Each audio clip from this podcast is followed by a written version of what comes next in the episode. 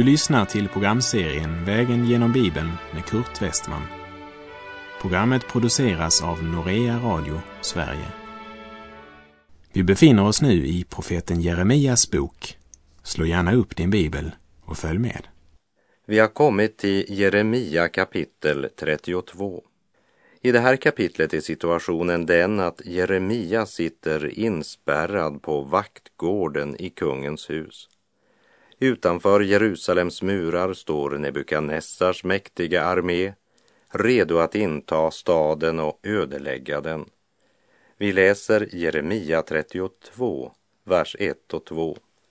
Detta är det ord som kom från Herren till Jeremia i Sidkias, Juda kungs tionde regeringsår, vilket var Nebukadnessars artonde regeringsår.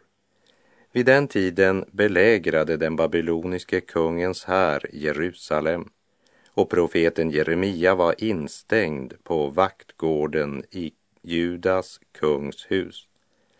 Kung Sidkia hade ju märkt att vad templets profeter förkunnat inte hade skett. De hade talat så tröstande och uppmuntrande ord, men trösten de gav visade sig vara falsk.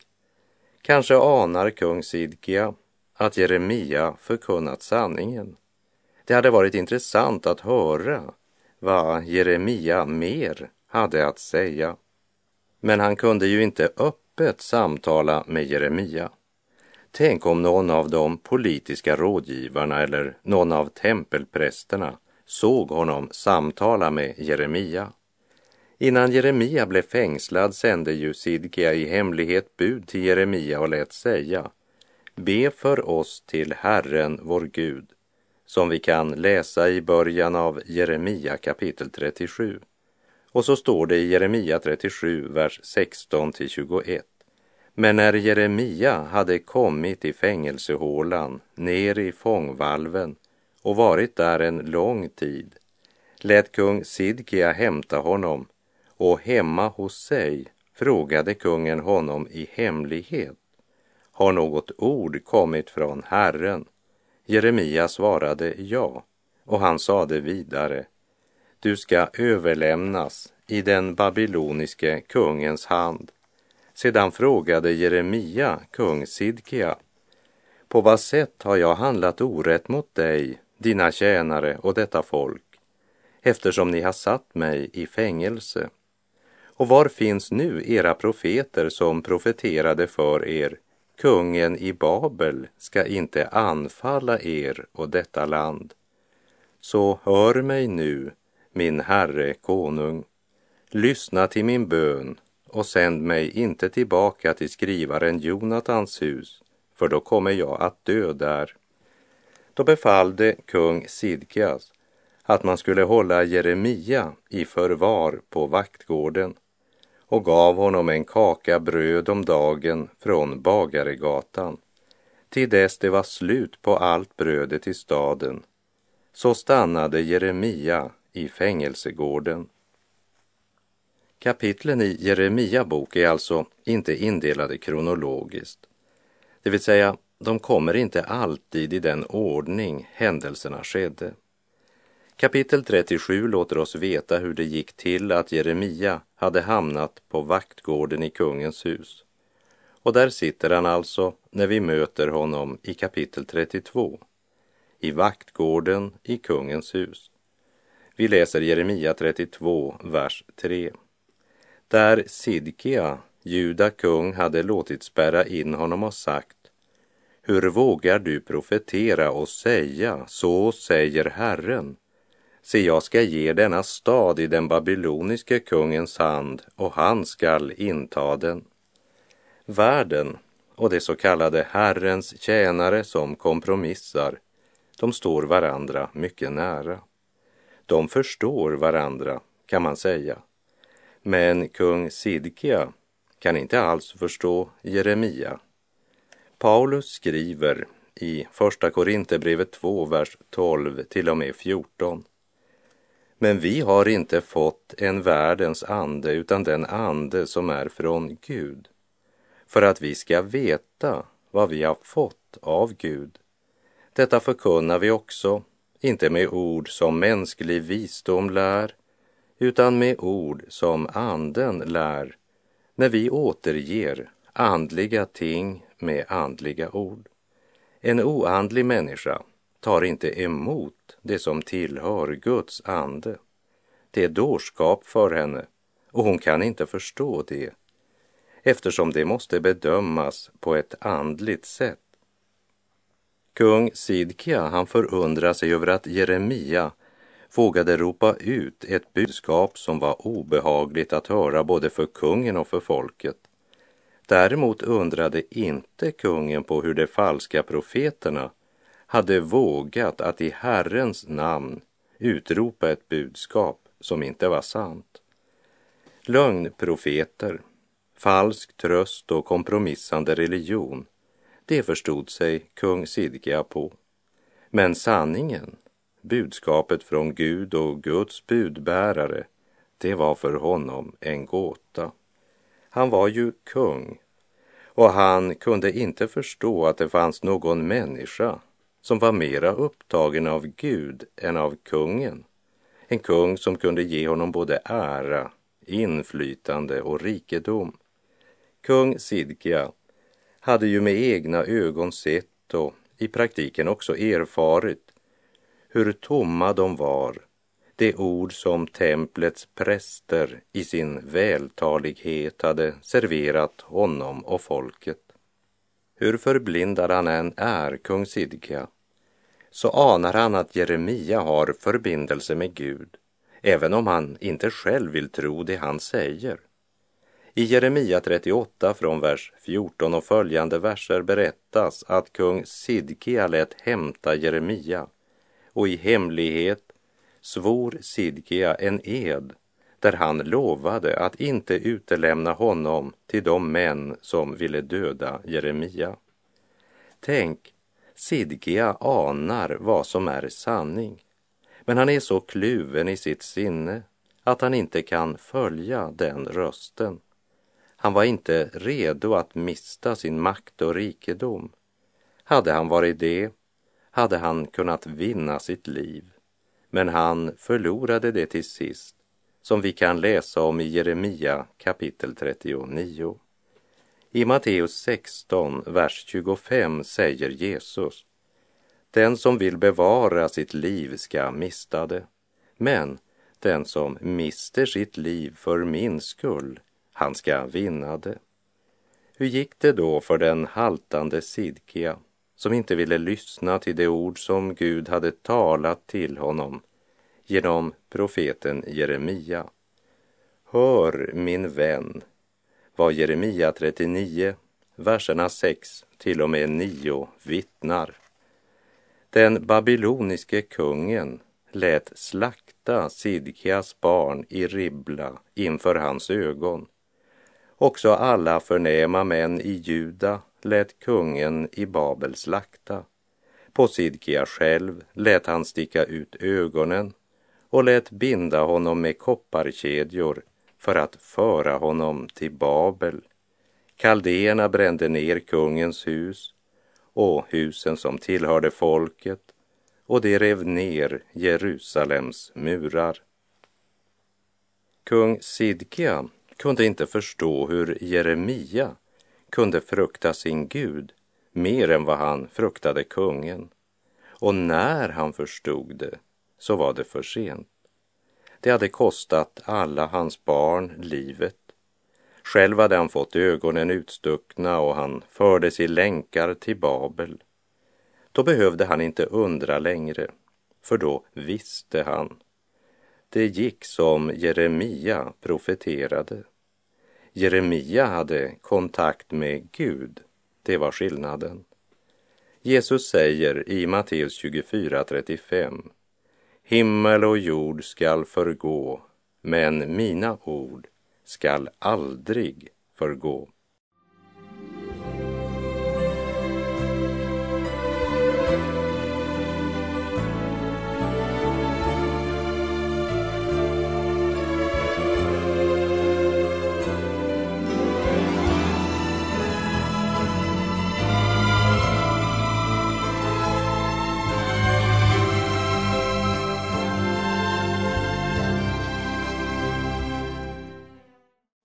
Innan vi fortsätter vår vandring genom Jeremia kapitel 32 vill jag påminna om Simon Petrus ord i Lukas 5, vers 5. Situationen är den att Simon och några andra har varit ute och fiskat en hel natt utan att få någon fisk. Så kommer Jesus och talar till folket och när han avslutat undervisningen säger han till Simon Petrus att han ska kasta ut sina nät på djupt vatten. Och då svarar Simon i Lukas 5, vers 5. Mästare, vi har arbetat hela natten och inte fått något. Men på din befallning vill jag lägga ut näten. Och de orden får stå som en överskrift på Jeremia kapitel 32. Men på din befallning vill jag. Ha de orden i dina tankar när vi läser om Jeremia som investerar pengar och köper mark som redan är ockuperad av babyloniska trupper. För han gjorde det av en enda orsak. Gud hade sagt han skulle göra det. Vi läser Jeremia 32, verserna 6 till och med 9. Jeremia sade, Herrens ord kom till mig. Han sade, se, Hanamel, din farbroder Sallums son, ska komma till dig och säga, köp du min åker i Anatot, ty du har inlösningsrätt att köpa den. Och Hanamel, min farbroders son, kom till mig på vaktgården som Herren hade sagt och sade till mig, köp min åker i Anatot i Benjamins land, för du har arvsrätt och inlösningsrätt till den. Köp den därför åt dig. Då förstod jag att det var Herrens ord och jag köpte åkern i Anatot av Hanamel, min farbroders son, och vägde upp pengarna åt honom, sjutton siklar silver. I en tid då de flesta försökte sälja sina jordområden så investerar Jeremia i ett närmast värdelöst landområde i sin hembygd Anatot. Mänskligt sett ett dåraktigt projekt. Dessutom hade hela hans släkt ju vänt sig emot honom, vilket också Gud uppenbarade för profeten som vi minns från Jeremia 12, vers 6.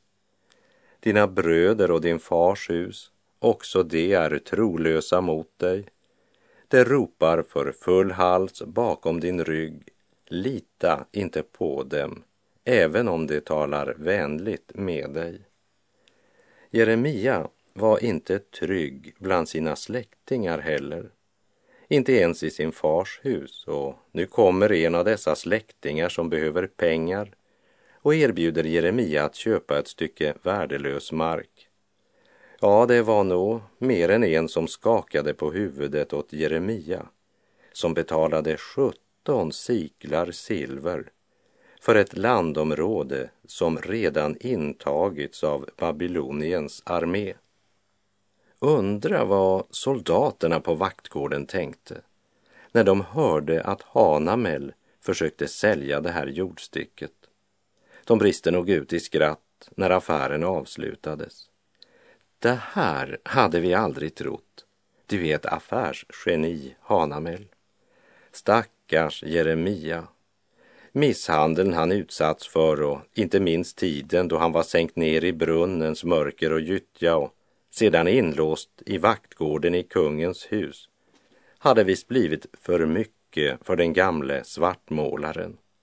Han visste knappast vad han gjorde. Ja, så tänkte nog många. Men som Paulus skriver till de troende i Korint i Första Korinthierbrevet 2.9. Vi känner som skriften säger vad ögat inte har sett och örat inte hört och människohjärtat inte kunnat ana vad Gud har berett åt dem som älskar honom. Ty för oss har Gud uppenbarat det genom sin ande. Om inte Jeremia förstod varför han skulle göra denna handel så visste han precis vad han gjorde. Han gjorde exakt det som Gud hade sagt han skulle göra. Han trodde Gud. Medan Hanamel i skadeglädje berättar för sina släktingar om vad han hade lurat Jeremia att göra. Och sedan vakternas skratt tystnat vänder Jeremia sig till Gud. Visserligen hade Herren sagt, än en gång skall man köpa hus och åkrar och vingårdar i detta land. Men även för Herrens profet kan det alltså komma stunder av anfäktelse då det är svårt att vila i vissheten om att Gud har fullständig kontroll. När man lever i en situation där det ser ut som om fienden är den som har både makten och kontrollen. Trots allt handlade han som Gud hade sagt. Men när affären var avslutad och köpebrevet överlämnats åt Baruk, då vänder Jeremia sig genast i bön till Gud. Vi läser Jeremia 32, vers 17. O Herre, Herre, se du har gjort himmel och jord genom din stora kraft och din uträckta arm. För dig är ingenting omöjligt. Så fortsätter han och vittnar om allt vad Gud har gjort för Israel. Gett dem ett land som flyter av mjölk och honung. Men de har avfallit från Gud, struntat i Guds befallningar och därför har denna olycka drabbat dem. Gud du ser väl kaldéernas stora belägringsvallar. Hur kan du då säga, köp dig åkern för pengar och ta vittnen på det? Vi ska lägga märke till att trots att Jeremia inte förstod så handlade han ändå i tro på det ord Gud hade talat.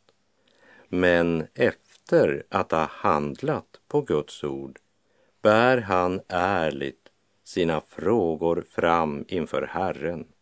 Han talar med Gud om allt.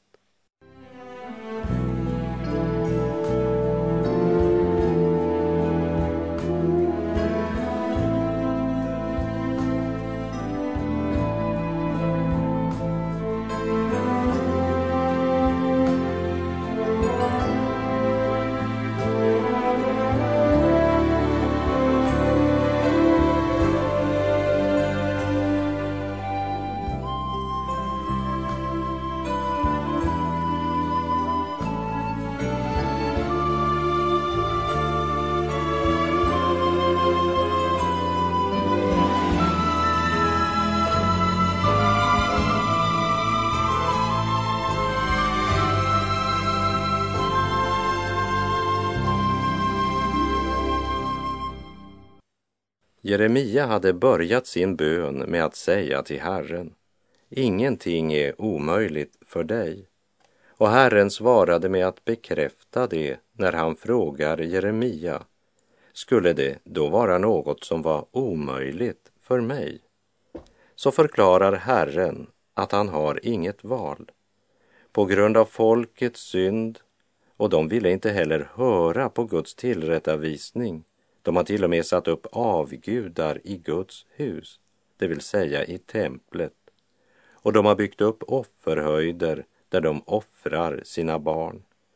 Och inför de orden i Jeremia 32.35 måste jag stanna upp ett ögonblick.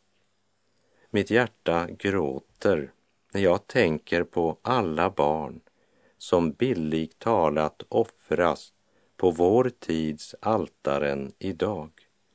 På den materiella framgångens altare är det många barn offrade.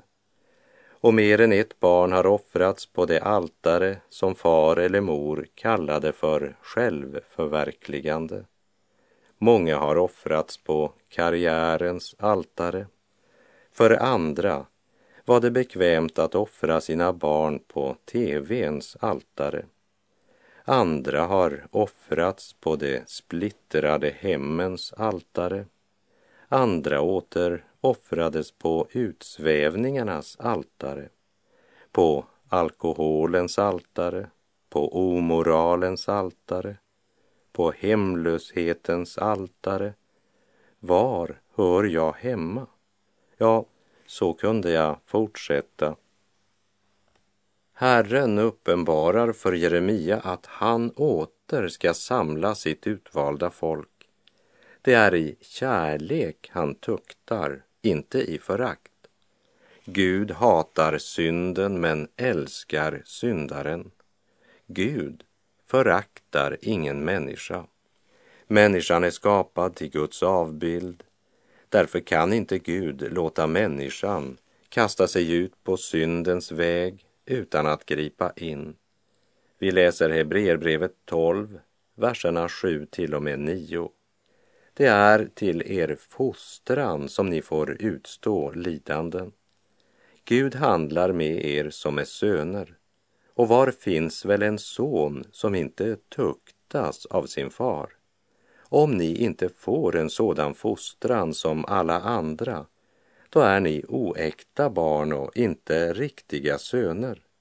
Vi hade våra jordiska fäder som tuktade oss och vi hade respekt för dem. Skulle vi då inte så mycket mer underordna oss andarnas fader så att vi får leva? Och det är just det Gud försöker säga till Jeremia. Det är till deras fostran, Jerusalem och Juda, nu måste bli givna i den babyloniske kungens hand. Men jag ska samla ihop dem igen. Det kan du lita på. Vi läser Jeremia 32, verserna 37 och 38. Se, jag ska församla dem ur alla de länder dit jag i min harm, vrede och stora förbittring har fördrivit dem och jag ska föra dem tillbaka till denna plats och låta dem bo här i trygghet. Och det ska vara mitt folk och jag ska vara deras Gud. Gud förklarar att han har en bestämd plan också när det gäller orden han gett Jeremia att köpa åkern av sin släkting Hanamel. Herrens tjänare måste i konkret handling visa att han tror det budskap Gud gett honom att förkunna. Vi läser Jeremia 32, vers 44. Åkrar skall man köpa för pengar och man ska skriva och försegla köpebrev och tillkalla vittnen i Benjamins land, i Jerusalems omgivningar och i Judas städer, liksom i bergsbygdens, låglandets och Negevs städer. Ty jag ska göra slut på deras fångenskap, säger Herren. Och Gud fortsätter att tala till Jeremia om ett framtida rike för David. Och detta stadfäster Gud i Jeremia 33 kapitel, där vi läser vers 1 till och med 3. Herrens ord kom till Jeremia för andra gången, medan han ännu var inspärrad på vaktgården. Han sade, så säger Herren, han som utför sitt verk, Herren som formar och som verkställer det, Herren är hans namn. Ropa till mig så vill jag svara dig och låta dig höra om stora och ofattbara ting som du inte känner till. Jeremia 33.3 är en av de gammaltestamentliga texter som jag många gånger hört citeras i olika sammankomster. Men jag tror det är mera meningsfyllt att minnas denna vers i det sammanhang som den står i. Trots att Jeremia sitter inspärrad så har Gud bett denne man att investera sina pengar i en jordegendom. Och han handlar i tro och köper jordområdet trots att han har många varför i sitt hjärta. Han kunde förstå att Gud straffade Jerusalem och Juda på grund av deras synder. Men de skulle nog även synda mot Gud i framtiden. Och hur ska Gud då kunna upprätta dem? Vi läser Jeremia 33, vers 15 och 16. I de dagarna och på den tiden ska jag låta en rättfärdig telning växa upp åt David. Han ska skaffa rätt och rättfärdighet på jorden. I de dagarna skall Juda bli frälst och Jerusalem bo i trygghet. Man skall kalla det så, Herren vår rättfärdighet. Gud talar om den kommande Messias som ska bli vår rättfärdighet. Gud är helig. Det betyder att synden måste straffas. Men vad var det Gud hade sagt i budskapet om Israels kommande frälsning? Jeremia 31.3. Jo, han sa, med en evig kärlek har jag älskat dig, därför låter jag min nåd förbliva över dig. I sin gränslösa kärlek tar Gud straffet på sig själv. För det är ju just det som skedde genom Herren Jesus Kristus. Och den som tar emot honom i tro, han får inte bara sina synder förlåtna, men han får ett nytt hjärta. Israel hade i trolöshet avfallit från Herren Gud. Gud ska i sin trofasthet på nytt förbarma sig över dem och föra dem ut ur deras fångenskap. Vi läser Jeremia 33, verserna 25 och 26. Så säger Herren, om mitt förbund med dag och natt inte består och om jag inte har bestämt en fast ordning för himmel och jord, då ska jag också förkasta Jakobs och min tjänare Davids efterkommande, så att jag inte tar någon av hans avkomlingar till att råda över Abrahams, Isaks och Jakobs efterkommande. Ty jag ska åter göra slut på deras fångenskap och förbarma mig över dem. Jeremia ropar ut detta budskap och han räknar med att det verkligen kommer att ske. Ja, folk säger att han faktiskt har köpt sig en jordegendom i det område som nu är ockuperat av Babels armé, så han måste vara ganska säker. Vilken nåd det är för ett folk när de har ett Herrens vittne som Jeremia men det förstår inte ett ogudaktigt folk. För de tror inte att en stackars man som förtalas av prästerna och föraktas av folket är värd att lyssna till. Men de ska snart, mycket snart, erfara sanningen i domsorden. Så ska vi i nästa program höra kung Sidkia och folket i Juda få en sista varning och faktiskt var på väg att omvända sig till Herren, men de ångrade sig och fortsatte som förr. Och de blev tvungna att skörda vad de sått. Och med det så är vår tid ute för den här gången. Herren vare med dig. Må hans välsignelse vila över dig. Gud är god.